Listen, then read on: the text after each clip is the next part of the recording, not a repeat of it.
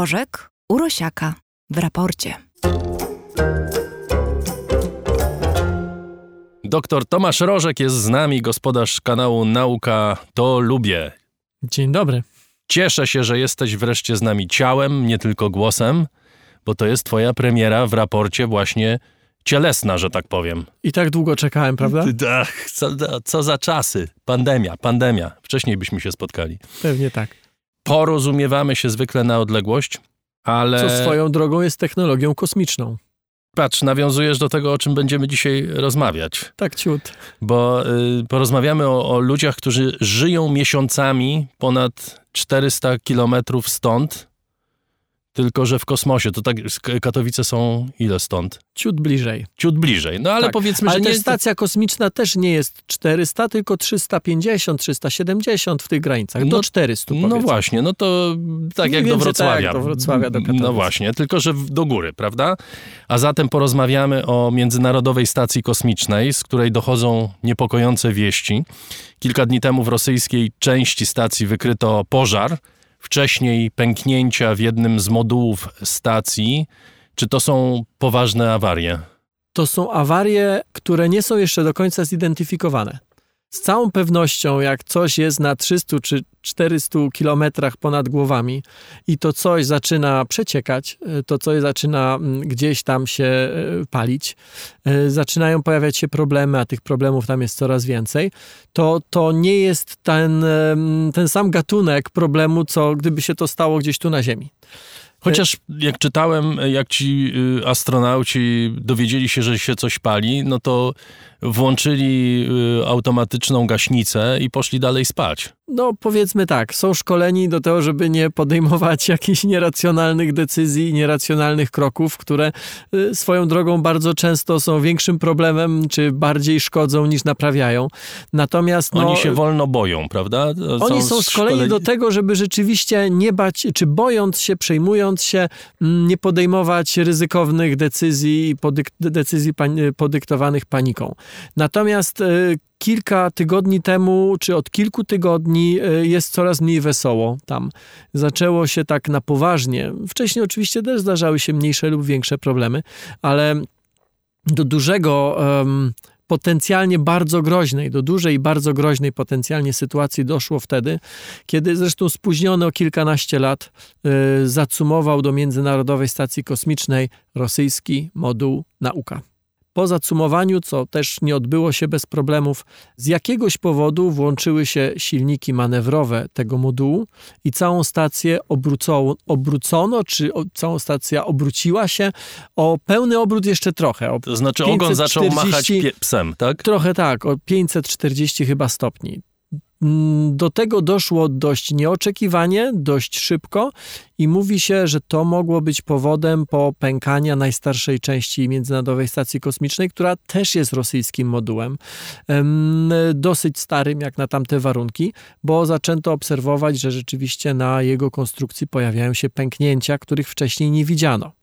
Natomiast wcześniej wiedziano o tym, że przecieka, a w zasadzie no, jest nieszczelny moduł inny jeszcze rosyjski, do którego z kolei ta nauka się przycumowała.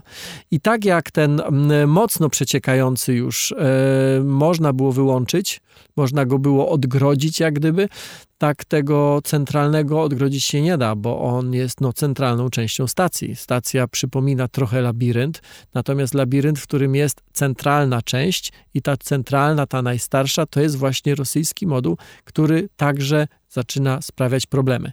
Pytałeś, czy to jest poważne? Trudno powiedzieć, dlatego że mm, nie da się wszystkich rzeczy sprawdzić bez y, częściowej rozbiórki stacji, bez wyjścia na zewnątrz. Na pewno wiadomo, że każde najmniejsze pęknięcie i każda najmniejsza nieszczelność y, tak wysoko ym, w zasadzie w próżni oznacza potencjalną utratę na przykład tlenu, czyli czegoś, no, bez czego człowiek nie jest absolutnie w stanie tam funkcjonować. Złe języki, zwłaszcza w Polsce, mówią, że to jest rosyjski spisek, który ma pogrążyć stację, bo Rosjanom już się nie podoba współpraca międzynarodowa w kosmosie. Jest coś na rzeczy? Myślę, że nie. Na pewno jest tak, że Rosjanie mają nieporównywalnie mniej pieniędzy i na budowę stacji, i na funkcjonowanie stacji jako takiej. To jest projekt rosyjsko-amerykańsko-europejski, natomiast y, jego taką jak zresztą każdy projekt naukowy, no musi mieć jakieś tło polityczne czy geopolityczne. O stacji zaczęto mówić y, dawno temu, ale ona nabrała, te rozmowy nabrały tempa wtedy, kiedy rozpadał się dwubiegunowy świat. I wtedy powstały, powstały pomysły, kilku dużych projektów naukowych, które miałyby ten zwaśniony wcześniej świat, podobno historia się miała kończyć, niektórzy tak twierdzili, żeby jednak scalić. A nauka jest taką dziedziną, kultura, nauka taką dziedziną, gdzie rzeczywiście nawet narody czy całe obozy zwaśnione mogą znaleźć um, część wspólną. E, I to jest symboliczne, bo przede wszystkim um, świat dwubiegunowy zmienił się na świat wielobiegunowy. Stacja zaczyna się rozpadać, dlatego że ten jeden z dawnych biegunów, czyli Związek Radziecki, później Rosja, nie ma pieniędzy na to, żeby serwisować. Centralny moduł stacji, zresztą ten najstarszy, to jest moduł, który nigdy nie był remontowany. Ale też, żeby oddać e, sprawiedliwość, e, nikt nie przewidywał, że te moduły tak długo tam będą funkcjonowały. Nikt ich nie projektował e, na tak długi czas działania. Więc to nie tak, że zrobiono coś źle, to jest tak, że zrobiono coś e, na jakiś tam przewidywany okres. Jest to dłużej. Pewnie, gdyby to remontowano na bieżąco i sprawdzano na bieżąco, to mogłoby jeszcze czas jakiś pofunkcjonować, ale nie robiono tego. Amerykanie z kolei ich wizja, ich marzenia czy, czy, czy ich myśli już są skierowane gdzie indziej. Oni już niemalże budują stację na Księżycu, więc jeżeli mają wydawać gdzieś pieniądze, no to chętniej na projekty budowy stacji na Księżycu, a nie na Międzynarodową Stację Kosmiczną. Okej, okay, spisku nie ma, ale sam zwróciłeś uwagę. Amerykanie coś chcą budować sami.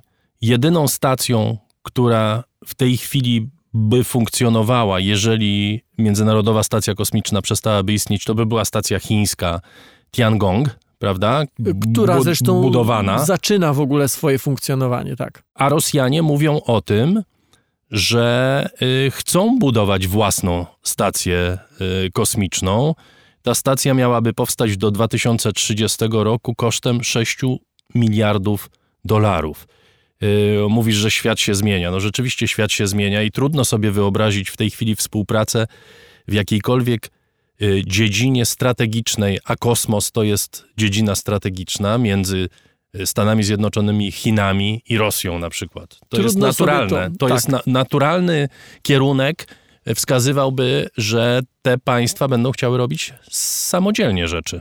Tak, i tak jak Chińczycy mm, w ogóle nawet nie aspirują do tego, żeby w jakąś taką współpracę wejść, zresztą oni nie muszą. Mm, przypomina mi się, ale to, to tutaj moim zdaniem ta krótka anegdota dokładnie do tego pasuje. Gdy za pierwszym razem byłem w Chinach, w Szanghaju, e, zdarzyła mi się taka dość śmieszna sytuacja. Mm, pokazałem taksówkarzowi, no Chińczykowi, nieznającemu żadnego języka poza chińskim, e, na mapie, gdzie chcę dojechać, ale mapa była po angielsku. Było dla mnie dość jasne, że mimo tego, że jest po angielsku, no to przecież układ ulic jakoś dla taksówkarza, no coś znaczy. Myślę, że gdybym dostał po chińsku mapę Warszawy czy Katowic, miast, które w miarę znam, czy Gdańska, Trójmiasta, to mimo to, że nie umiałbym przeczytać żadnej literki, dalej bym wiedział, co gdzie jest. Z jakiegoś powodu on się zgubił. E, dowiózł mnie do, w to miejsce chyba godzinę później, bardzo przepraszał. No nie, robiąc długą historię krótką, e, zapytałem w hotelu w czasie jakiejś rozmowy, e, że to jest trochę dziwne, że mm, tak mało osób zna język angielski w Chinach. A e, recepcjonista w hotelu powiedział, ale po co my mamy znać angielski? Jak komuś zależy, niech się nauczy chińskiego. Perspektywa, czy w Polsce czegoś takiego bym pewnie nie usłyszał w wielu innych mniejszych krajach, ale tam perspektywa jest inna. I dokładnie tak samo Chińczycy nie aspirują do tego, żeby wchodzić we współprace międzynarodowe, także naukowe. To, czego się mieli nauczyć od nas często, już się nauczyli. Teraz budują swoje. Z, e, ze Stanami no, nauczyli Zjednoczonymi... się na amerykańskich, brytyjskich uniwersytetach. Nie tylko Wiedza także została im dostarczona. Oczywiście, że tak. Nie tylko zresztą europejskich, dokładnie tak samo. E, natomiast Amerykanie oczywiście mają tak zwany know-how i tak zwany manpower do tego, żeby rzeczywiście wybudować coś na Księżycu. Czy im to wyjdzie, czy nie, zobaczymy. Przyszłość pokaże. Natomiast co do zapewnień Rosjan, że oni też w związku z tym chcą budować coś, nie wierzę w to. Rosjanie dzisiaj nie mają ani know-how, ani nie mają manpower, ani nie mają pieniędzy na to, żeby wybudować stację kosmiczną y, swoją. Oni nie bardzo mają dzisiaj możliwości finansowe, żeby pilnować tego, co już tam w kosmosie jest. Moduł nauka, o którym, o którym mówiłem, poleciał w kosmos kilkanaście lat później niż miał polecieć zgodnie z umowami między Rosją a, a Stanami Zjednoczonymi i Europą. E, był jakiś harmonogram. Rosjanie od dawna już nie potrafią tego harmonogramu dotrzymać, bo po prostu nie mają pieniędzy. Dwa państwa mają w tej chwili pieniądze, możliwości, wyobraźnię. Jedno to jest Chiny, o których wspomnieliśmy, a drugie państwo to są Stany Zjednoczone ciągle. I odnotujmy w związku z tym kolejną wyprawę komercyjną na orbitę. Rakieta Inspiration 4 z firmy Elona Muska z czterema ludźmi na pokładzie krąży od czwartku przez trzy dni po orbicie, nawet wyżej niż Międzynarodowa Stacja kos Kosmiczna. 575 kilometrów. To jest rzeczywiście znacznie wyżej. I to jest kolejna po e, Richardzie Bransonie, e, Jeffie Bezosie, misja organizowana poza strukturami państwowymi przez ludzi, którzy mają ogromne pieniądze. Może to jest I przyszłość wyobraźnię. i wyobraźnie, może to jest przyszłość. Może oni będą budować za chwilę własne stacje Dwie turystyczne. Rzeczy, na przykład. A czy ja nie wierzę za bardzo w turystykę kosmiczną, taką, że lecisz tam na wakacje na dwa tygodnie. Myślę swoją drogą, że to byłby Na całkiem. ryby. Tak, całkiem dobry Na pomysł na biznes. e, Brać od ludzi pieniądze za to, żeby polecieli, czy po to, żeby polecieli w kosmos. Myślę, że kolejka by była długa. Natomiast ci sami ludzie, myślę, że po jednym dniu czy po dwóch daliby dużo więcej, żeby z tego kosmosu szybciej wrócić na Ziemię. Więc myślę, że, że, że, że taki model biznesowy by się sprawdził. E, o dwóch rzeczach chcę wspomnieć. Jedna to to, że tak jak można było dyskutować, czy na wysokość 90 km, czy 86, czy 92, czy to w ogóle był lot w kosmos. I tutaj mówię o Bransonie i o Bezosie sprzed kilku tygodni. Tak nie ma absolutnie żadnej dyskusji, że wysokość prawie 600 km to już jest bardzo daleki kosmos. Na tyle daleki, że paradoksalnie przeważająca większość szkolonych latami kosmonautów, specjalistów nigdy na taką wysokość nie doleciała, bo przeważająca większość dolatuje do Międzynarodowej Stacji Kosmicznej. A jest to totalny paradoks, tym bardziej, że ci, którzy teraz polecieli, żaden z nich nie był profesjonalistą. Żaden z nich nie był żadnym astronautą, kosmonautą, nigdy nie byli szkoleni, nie byli pilotami. Szkoleni byli, ale no, mieli nie byli... półroczne szkolenie chyba właśnie po to, żeby nie wpadać w panikę, jakby się coś zadziało i być może po to, żeby absolutnie niczego tu nie dotykać, nie naciskać, bo Bo to i tak to wszystko tak, jest bo to prowadzą, sterowane. oczywiście, to prowadzą algorytmy mod bardzo zaawansowane, a jak się coś zacznie psuć, to Możesz z wsiąść, ziemi to ogarniemy. przypadkiem nie dotykaj. Nic nie dotykaj, szczególnie tego czerwonego, dużego takiego grzybka stop. Tak? Tego nie dotykaj. To jest niesamowite, że można wybudować urządzenie, które leci tak wysoko, na tak długo. Też te rejsy sprzed kilku tygodni, one były na kilka minut. Mhm. Były na wysokość 80-90 km i na kilka minut. Ten jest na trzy doby, na Tak. 600 km, dużo wyżej niż teleskop Hubble'a, dużo wyżej niż Międzynarodowa Stacja Kosmiczna. E, To jest ciekawe, w którą stronę to pójdzie. Ja patrzę na to na wielu różnych poziomach. Jeden to jest taki, że kolejny raz Elon Musk pokazał, wiem, potrafię, mogę zrobić dużo więcej niż ktokolwiek na tej planecie z prywaciarzy Mhm. tak powiem, może słowo się źle kojarzy. E, więc to ma czysto taki PR-owy wydźwięk, tym bardziej, że przecież firma SpaceX, która należy do Ilona Maska, ona żyje z przetargów dla między innymi NASA na dostarczanie części um, pożywienia, materiałów na Międzynarodową Stację Kosmiczną. To jest też firma, która częściowo wybuduje em, statek, którym ludzie wylądują na Księżycu. Więc niewątpliwie pokazując, ile potrafimy, zwiększa swoje szanse biznesowe na kolejne wygrane. Przy okazji pokazuję tym pozostałym dwóm panowie, z czym do ludzi wy na kilka minut, na 80, 90, ja na 600 kilometrów i to na trzy doby. Natomiast oczywiście w tym wszystkim też są technologie. Tak to już jest, że jeżeli chcemy, mm, jeżeli chcemy stworzyć jakieś technologie, to musimy sobie wyznaczyć czasami bardzo nierealne albo przez wielu uważane za nierealne cele, po to, żeby później bohatersko te cele zdobyć. No więc właśnie tak zrobił Elon Musk. To zdobywanie to jest uczenie się, uczenie się technologii, ale także uczenie się o człowieku. E, gdybyś mnie zapytał e, na temat, jeszcze wracając do Międzynarodowej Stacji Kosmicznej, dla nauki, poza jakby kwestiami technologicznymi budowy całej stacji, co my ze stacji mamy? To wydaje mi się, że powinienem powiedzieć, że najwięcej to myśmy się tam o, o, nauczyli o człowieku.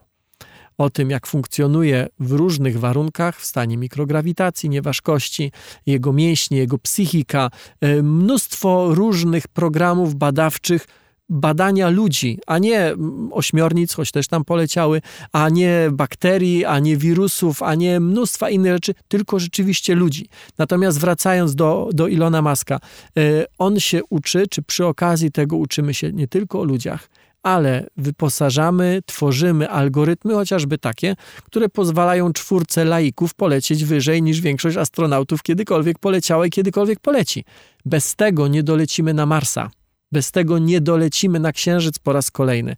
On to potrafi i pewnie by tego nie potrafił, bo by nie miał potrzeby, żeby się tego uczyć, gdyby nie wyznaczenie sobie jakiegoś dalekiego celu. A to dopiero początek, prawda? Tak.